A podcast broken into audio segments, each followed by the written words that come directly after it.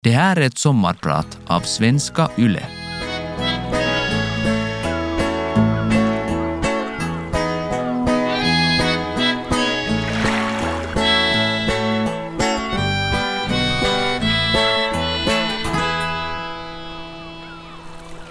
Jag är det svarta fåret i skidspåret. Tack och hej då. Du har lyssnat på mig Hans Mäinpä och det här var mitt sommarprat. Så kunde mitt sommarprat i sin helhet låta. En extremt kort version av mitt sommarprat, för jag gillar ju det extrema, att dra saker och ting till sin spets. Dessutom tycker jag inte om att prata om mig själv. Jag vill ju hellre låta mina handlingar tala. Jag är en österbottnisk donare. Å andra sidan skulle ett kort sommarprat inte alls ge rätt bild av mig. Jag är ju specialist på envishet och uthållighet. Vintern 2018 skidade jag 472 kilometer på 24 timmar. Det är världsrekord och hundra gånger längre än en vanlig runda i skidspåret. Så låt oss byta spår. Välkommen till mitt världsrekord i sommarprat. Hoppas du laddat upp med blåbärssoppa och sportdryck. Jag är klar om fyra dagar. Man kan säga att jag offrar allt för att genomföra idéer som på pappret verkar helt galna. Galna för alla andra, men inte för mig. Det är som om det galna är det enda som verkligen får mig att leva. Som om jag blivit beroende av det som de flesta kallar galenskap. Hur blev det så? Var det verkligen Guds plan? Jag heter Hans Mäinpä och det här är mitt sommarprat om livet i skidspåret och livet när det går helt ur spår. Min barndom var väl på sätt och vis som ett Vasalopp i miniatyr. Tolv syskon som tränade sig fram längs föräldrarnas utstakade spår. I fäders spår mot framtidens frälsning. Mot församlingen och söndagens sammankomst med de andra lästadianerna i Jakobstad. Konkurrensen mellan oss syskon var hård och kanske är den den som format mig till att bli så tävlingsinriktad. Jag var nummer åtta i syskonskaran och van att slå mig fram.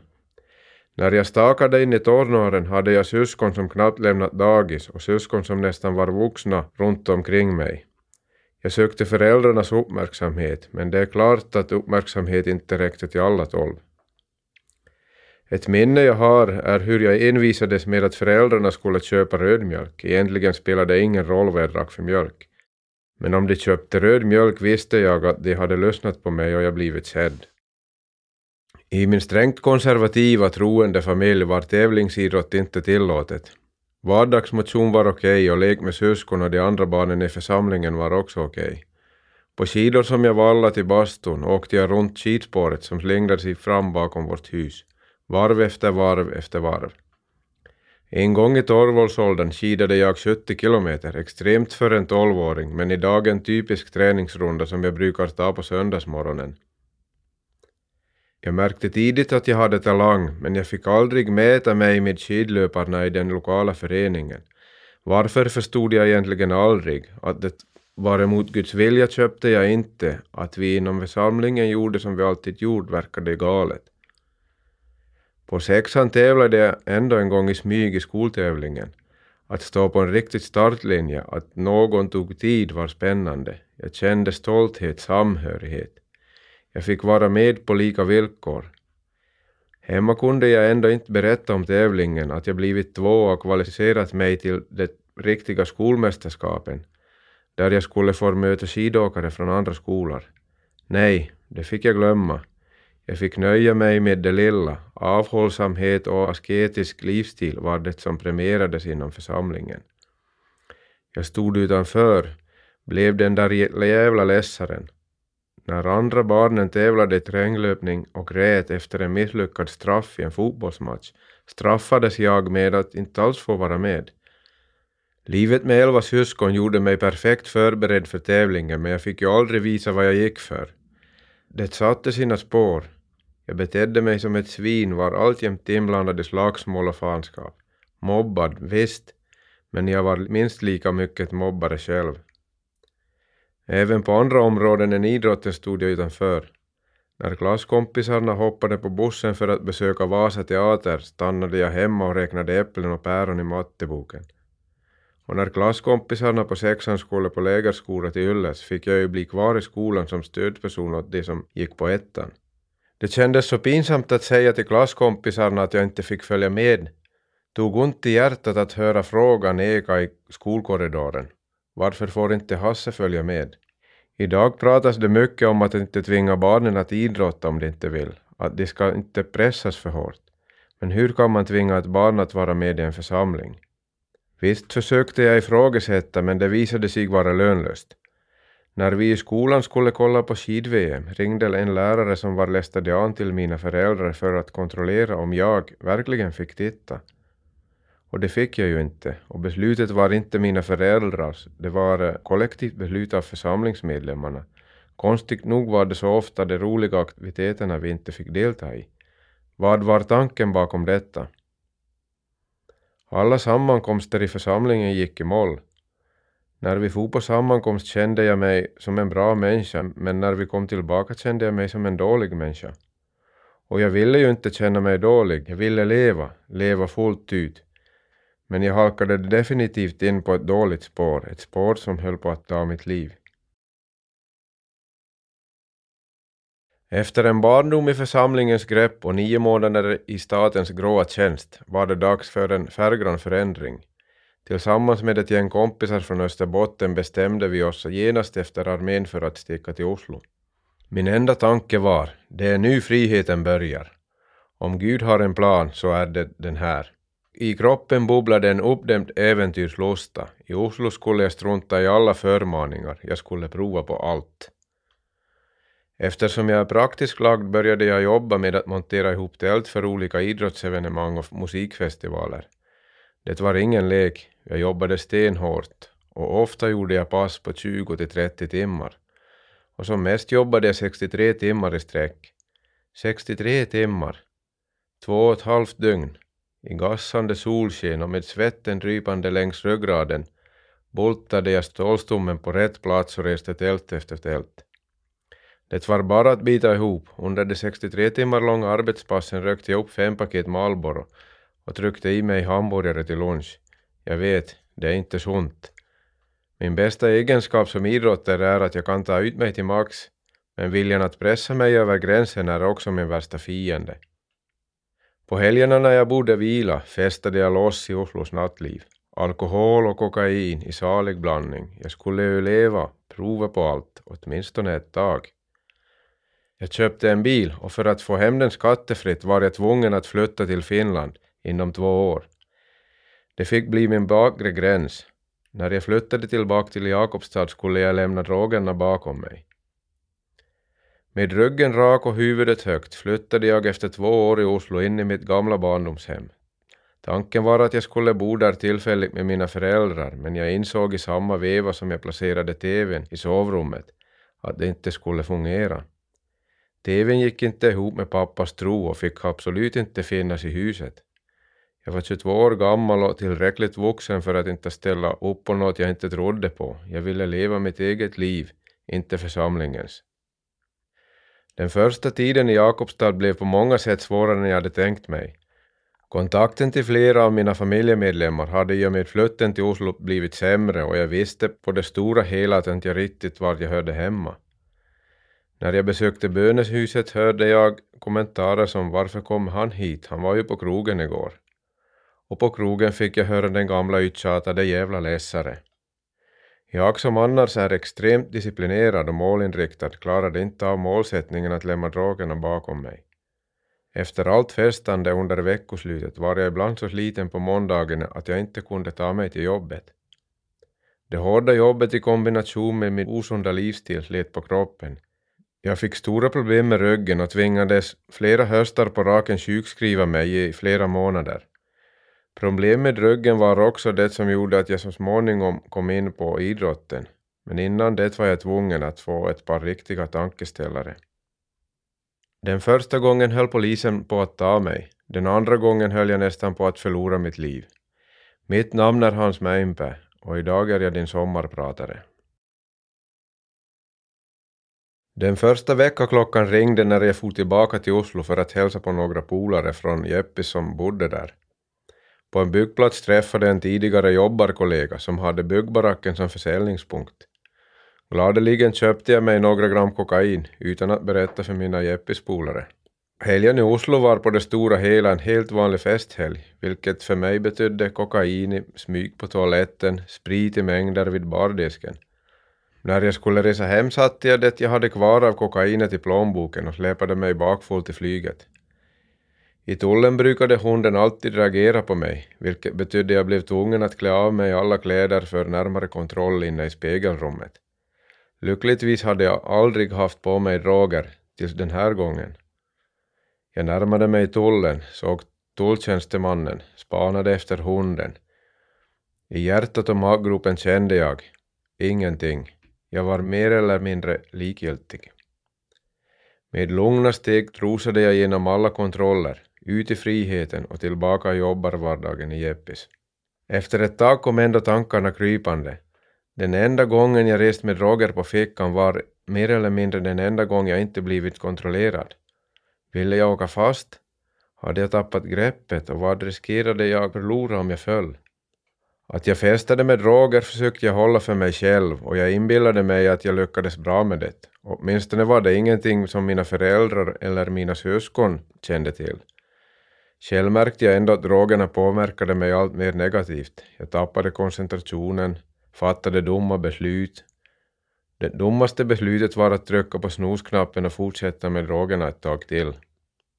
Följande gång väckarklockan ringde trillade jag äntligen ur sängen. Jag hade än en gång festat hela helgen med droger och alkohol och var fortfarande påverkad när jag gick upp till jobbet på måndag morgon. Med sömndruckna ögon och på skakiga ben klättrade jag upp på taket till jordbanehallen i Jeppis. På taket glittrade rimfrosten vackert men förrädiskt. Att gå där uppe var som att balansera uppe på krönet av en rutschkana. Egentligen skulle jag ha varit fastspänd med en sele, men tyvärr hade jag den här morgonen slarvat med det. Vi hade det tidigare rivit bort gamla ventilationskanalen och nu höll vi på att montera plåt över åsen. Jag bet ihop, försökte förtränga tröttheten, göra mitt jobb, göra rätt för mig. Jag var ju van vid att jobba hårt utan energi. Det här skulle fixa sig. Tjopp, plötsligt halkade jag till och tappade greppet. Fallhöjden till marken cirka 13 meter. Tid att tänka. Inget alls. På ren reflex flaxade jag till och fick nätt och jämnt tag i takbryggan. Med en puls på över 200 slag i minuten kravlade jag mig upp, satte mig ned på takbryggan, tände med darriga händer en tobak och blickade ner mot marken. Det var bara tur att inte jag hade fallit handlöst till marken. Kan man kalla det nåd att jag fortfarande var vid liv? När jag lugnat ner mig gick jag ner från takåsen och meddelade jobbakompisarna att jag var sjuk och måste åka hem. Jag la mig i sängen och blundade. Det fick räcka nu. Jag behöver inga fler väckarklockor. Det jag behöver var att sova ut. Det här livet gjorde mig alltför trött. Visst, det gick för långt. Men jag har aldrig sett mig som en missbrukare. Jag var en nyfiken galning som gjorde revolt. Jag gick från att inte göra något till att prova på allt. Jag var en lästadian som prövade vingarna och som nästan kraschlandade. Jag var en ikaros som flög för nära solen, brände mina vingar och störtade till marken. För mig har det alltid varit viktigt att sköta mitt jobb och nu var jag tvungen att ta hand om min kropp för att orka med de tuffa arbetspassen. På jobbet var vi några idrottsintresserade som började få träningsprogram av Gui Storbacka, som jobbade på samma arbetsplats som murare. Gui är känd som en av Finlands bästa tränare inom medeldistanslöpning och under hans ledning var det inspirerande att träna. Till en början var det väl inte så seriöst, men som ofta då det kommer till mig har jag svårt att lägga band på mig själv. Min första större satsning, en satsning som en del antagligen skulle kalla galen, var när jag 2006 cyklade från Jakobstad till Alta i Nordnorge för att hälsa på min syster. Tusen kilometer på tre dagar. Utan större planering. Jag hade inte ens bokat hotell för övernattning. Jag hoppade helt enkelt bara på cykeln och trampade iväg. Det fanns inte en tanke på att jag inte skulle klara av utmaningen, trots att jag nog hört en del skeptiska kommentarer på stan. Jag räknade med smärta, men smärtan är till för att övervinnas. Det gjorde ingenting fast jag under de sista 600 kilometerna knappt kunde sitta på sadeln. När jag kom fram tänkte jag stolt, det här gör inte så många andra. Efter ett jobbat på 63 timmar är man så trött att man hoppar över duschen och stupar rätt i sängen och slocknar. Men efter alla mina extrema idrottsprestationer har jag inte fått tag i sömnen. Jag har suttit vaken hela natten, njutit och ätit. Kicken man får av att pressa kroppen och klara av enorma fysiska prestationer påminner faktiskt en del om ett drogrus. Det är ett slags eufori, man känner sig oövervinnlig, energin flödar i kroppen. Sen jag i 30-årsåldern började satsa på idrotten har jag utmanat mig själv otaliga gånger. Idag som 40-åring har jag sprungit fem maratonlopp, skidat Nordenskiöldsloppet på 220 kilometer fyra gånger och deltagit i nio Vasalopp. I vintras blev jag 36 i Vasaloppet och min nästa målsättning är att ta mig in på topp 20. En sak jag noterat är att jag hela tiden är tvungen att utföra tuffare och tuffare utmaningar för att få samma kick. Precis som när det kommer till ett drogberoende krävs det hela tiden större och större doser för att uppnå samma effekt. Min hittills tuffaste utmaning var när jag vintern 2018 ställde mig på startlinjen för att slå världsrekord i 24 timmars skidåkning. Uppladdningen inför loppet var inte att leka med. Ungefär ett års tid tränade jag alla mina långpass utan morgonmål med enbart vatten i kroppen. På det här sättet ville jag pressa kroppen att vänja sig vid känslan av att vara utan energi, vilket det alltid blir under extrema långlopp. Eftersom jag tycker om att testa saker prövade jag också på hur länge jag kunde klara mig utan mat överhuvudtaget. Jag tränade varje dag, jobbade 12 timmars pass och drack enbart vatten. Det gick bra till en början, men under dag 11 kom väggen emot. Varje gång jag försökte stiga upp ur sängen så svimmade jag. Då sa sambon ifrån, nu får det räcka. Jag fortsatte ändå att köra med min egen form av 5.2-diet, vilket betydde att jag på tom mage körde 75-120 kilometer på söndag morgon, varefter jag åt lunch. På måndag jobbade jag sedan från 6 till klockan 9 och åt följande gång först på tisdag vid lunchtid. Den här taktiken kör jag inte med längre och jag skulle nog inte rekommendera den till någon annan heller. Men det var en fix idé jag fick, någonting jag trodde på och därför ville jag till varje pris testa. Inget fick stoppa mig. Jag ångade på mot den stora drabbningen, världsrekordförsöket i skidloppet över 24 timmar. Att skida 24 timmar i ett streck är inte klokt. Att skida 24 timmar i ett streck och dessutom försöka ta sig fram så många kilometer som möjligt är idiotiskt. Kommentarerna av den här typen har jag fått ta del av ända sedan jag bestämde mig för att satsa på världsrekordet. Du måste nog ha någon skruv lös. Skida lika mycket på en dag som hela gatu på hela vintern. Idén till världsrekordet fick jag redan på 2010 när jag såg ett klipp om loppet på Youtube. Jag räknade snabbt i huvudet och tänkte omedelbart, inga problem. Det där rekordet kommer jag att ta. Jag skulle inte säga att jag annars är speciellt kaxig av mig, men när det kommer till att pressa kroppen till det yttersta är tron på mig själv stenhård. Jag vet att jag har ett pannben som håller, jag vet att kroppen är segare än varje uppförsbacke. Varifrån den här förmågan kommer är sedan en annan femma. Visst, uppväxten med elva syskon och det hårda fysiska byggnadsarbetet är säkert faktorer som spelar in. Den hårda moralen som jag fått med mig från min uppväxt inom lästadianismen är säkert också en del av sanningen. Förutom mina experiment med att träna på tom mage och fasta elva dagar i sträck körde jag på som vanligt inför loppet. Två veckor innan skidade jag Nordenköpsloppet på 220 kilometer och veckan innan världsrekordförsöket reste jag till Levi, där jag skidade varje dag. Någon tanke på att lägga in extra vila inför loppet hade jag inte, det var liksom bara att tuta och köra. Bara och bara. Tävlingsdagen i Levi började i alla fall bra. Jag delade in loppet i 20 minuters etapper. Var tjugonde minut drack jag sportdryck eller tog en Snickers. Att regelbundet fylla på med vätska och energi är A och O för att orka under den här typen av långlopp. En annan höjdpunkt som man såg fram emot var möjligheten att varje timme byta till nyvallade skidor. Annars var det inte så mycket som rörde sig i huvudet. I början var vi tre stycken skidlöpare som tampades. Vi hade bra fart och jag var hela tiden säker på att någon av oss skulle klå världsrekordet, men jag visste inte vem. När min sista medtävlare, norrmannen Daniel Strand, hoppade av klockan 23 visste jag att rekordet var mitt, trots att det återstod 11 timmars skidåkning. Helt ensam i spåret var jag ändå inte. Under vissa sträckor fick jag extra hjälp av bland annat mina brorsöner Viktor och Hannes Mäenpää och Ivo Niskanen som alla frivilligt ställde upp för att hjälpa mig att hålla farten uppe. Efter en lång natt tittade solen äntligen fram vid sextiden på morgonen. Det gnistrade vackert i spåret. Jag tänkte att jag hade tur, det kunde lika gärna ha varit snöslask. Visserligen hade jag förfrusit tårna och armbågen värkte, men det är sånt man får räkna med.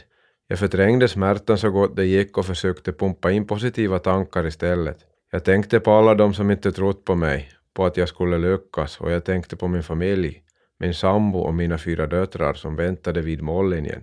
De som offrat åtminstone lika mycket som jag för att jag skulle få möjlighet att satsa på idrotten och sätta nytt världsrekord. Mitt i smärtan visste jag att jag var privilegierad och att det här var någonting unikt. Jag visste att det var läge att vara snäll mot mig och unna mig att njuta.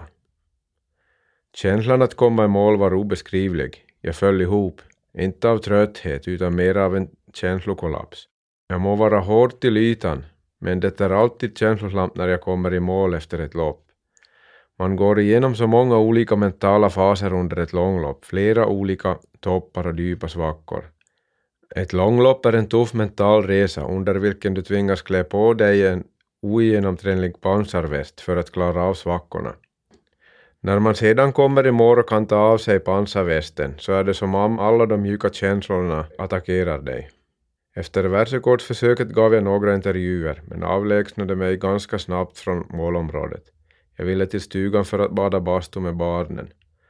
Tårna blödde och värkte, men vad spelade det för roll?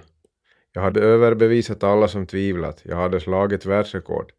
När barnen kastade vattenbad på kaminen spred sig en tillfredsställande värme i bröstet. 472 kilometer på 24 timmar. Det är bra, det är till och med världsrekord. Men jag vet att jag kan bättre.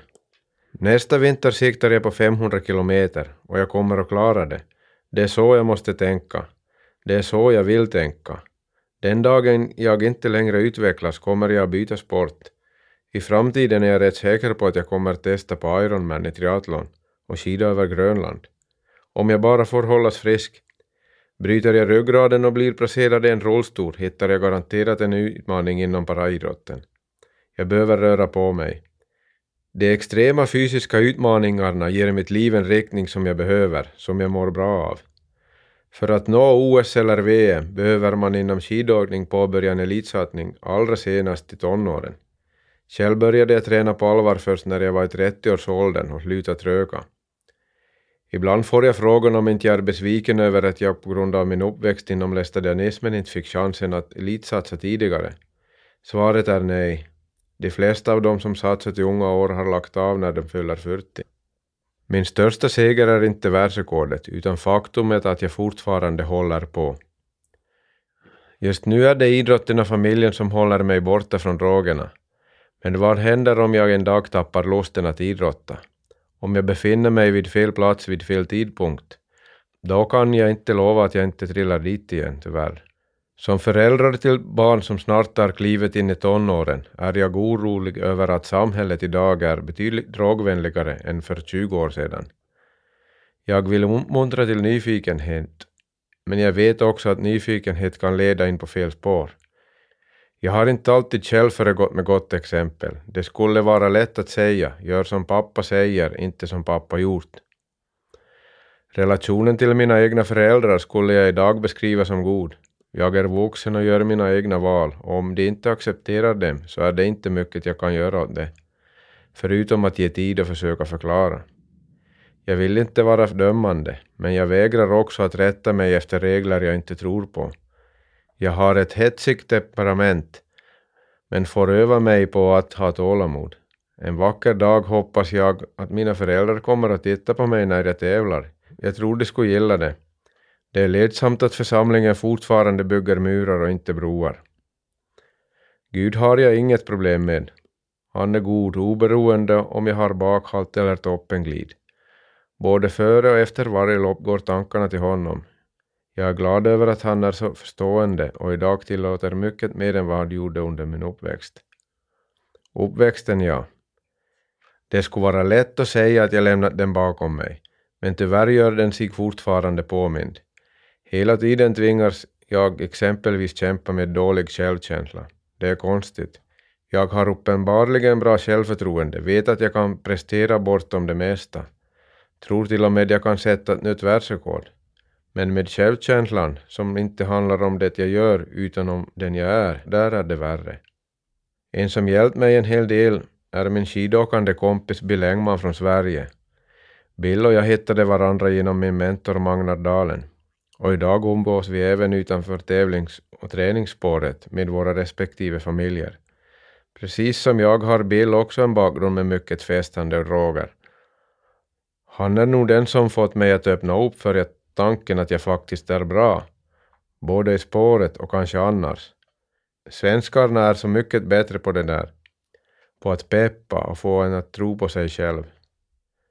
Förutom Bill och Magnar vill jag också rikta ett tack till hela mitt serviceteam, mina bröder Kim och Mats i spetsen. Skidåkningen är visserligen primärt en syssla för envisa ensamvargar, men i dagens Elitlopp klarar man sig inte utan hjälp från en hel drös med professionella vallare och ett team som hjälper med kost och dryck under loppet. Sist men inte minst vill jag tacka min familj, min sambo Anne och mina döttrar Vilma, Venla, Vanja och Vilja. Det mest extrema i den här berättelsen är inte att skida 472 kilometer på en dag. Det mest extrema är att ni orkar med mig. Jag heter Hans Mäimpe, jag är det svarta fåret som susar fram i spåret men också det vita lammet som envist hoppar vidare över stängslet när alla andra sedan länge sover. Tack för att jag fick sommarprata just för dig.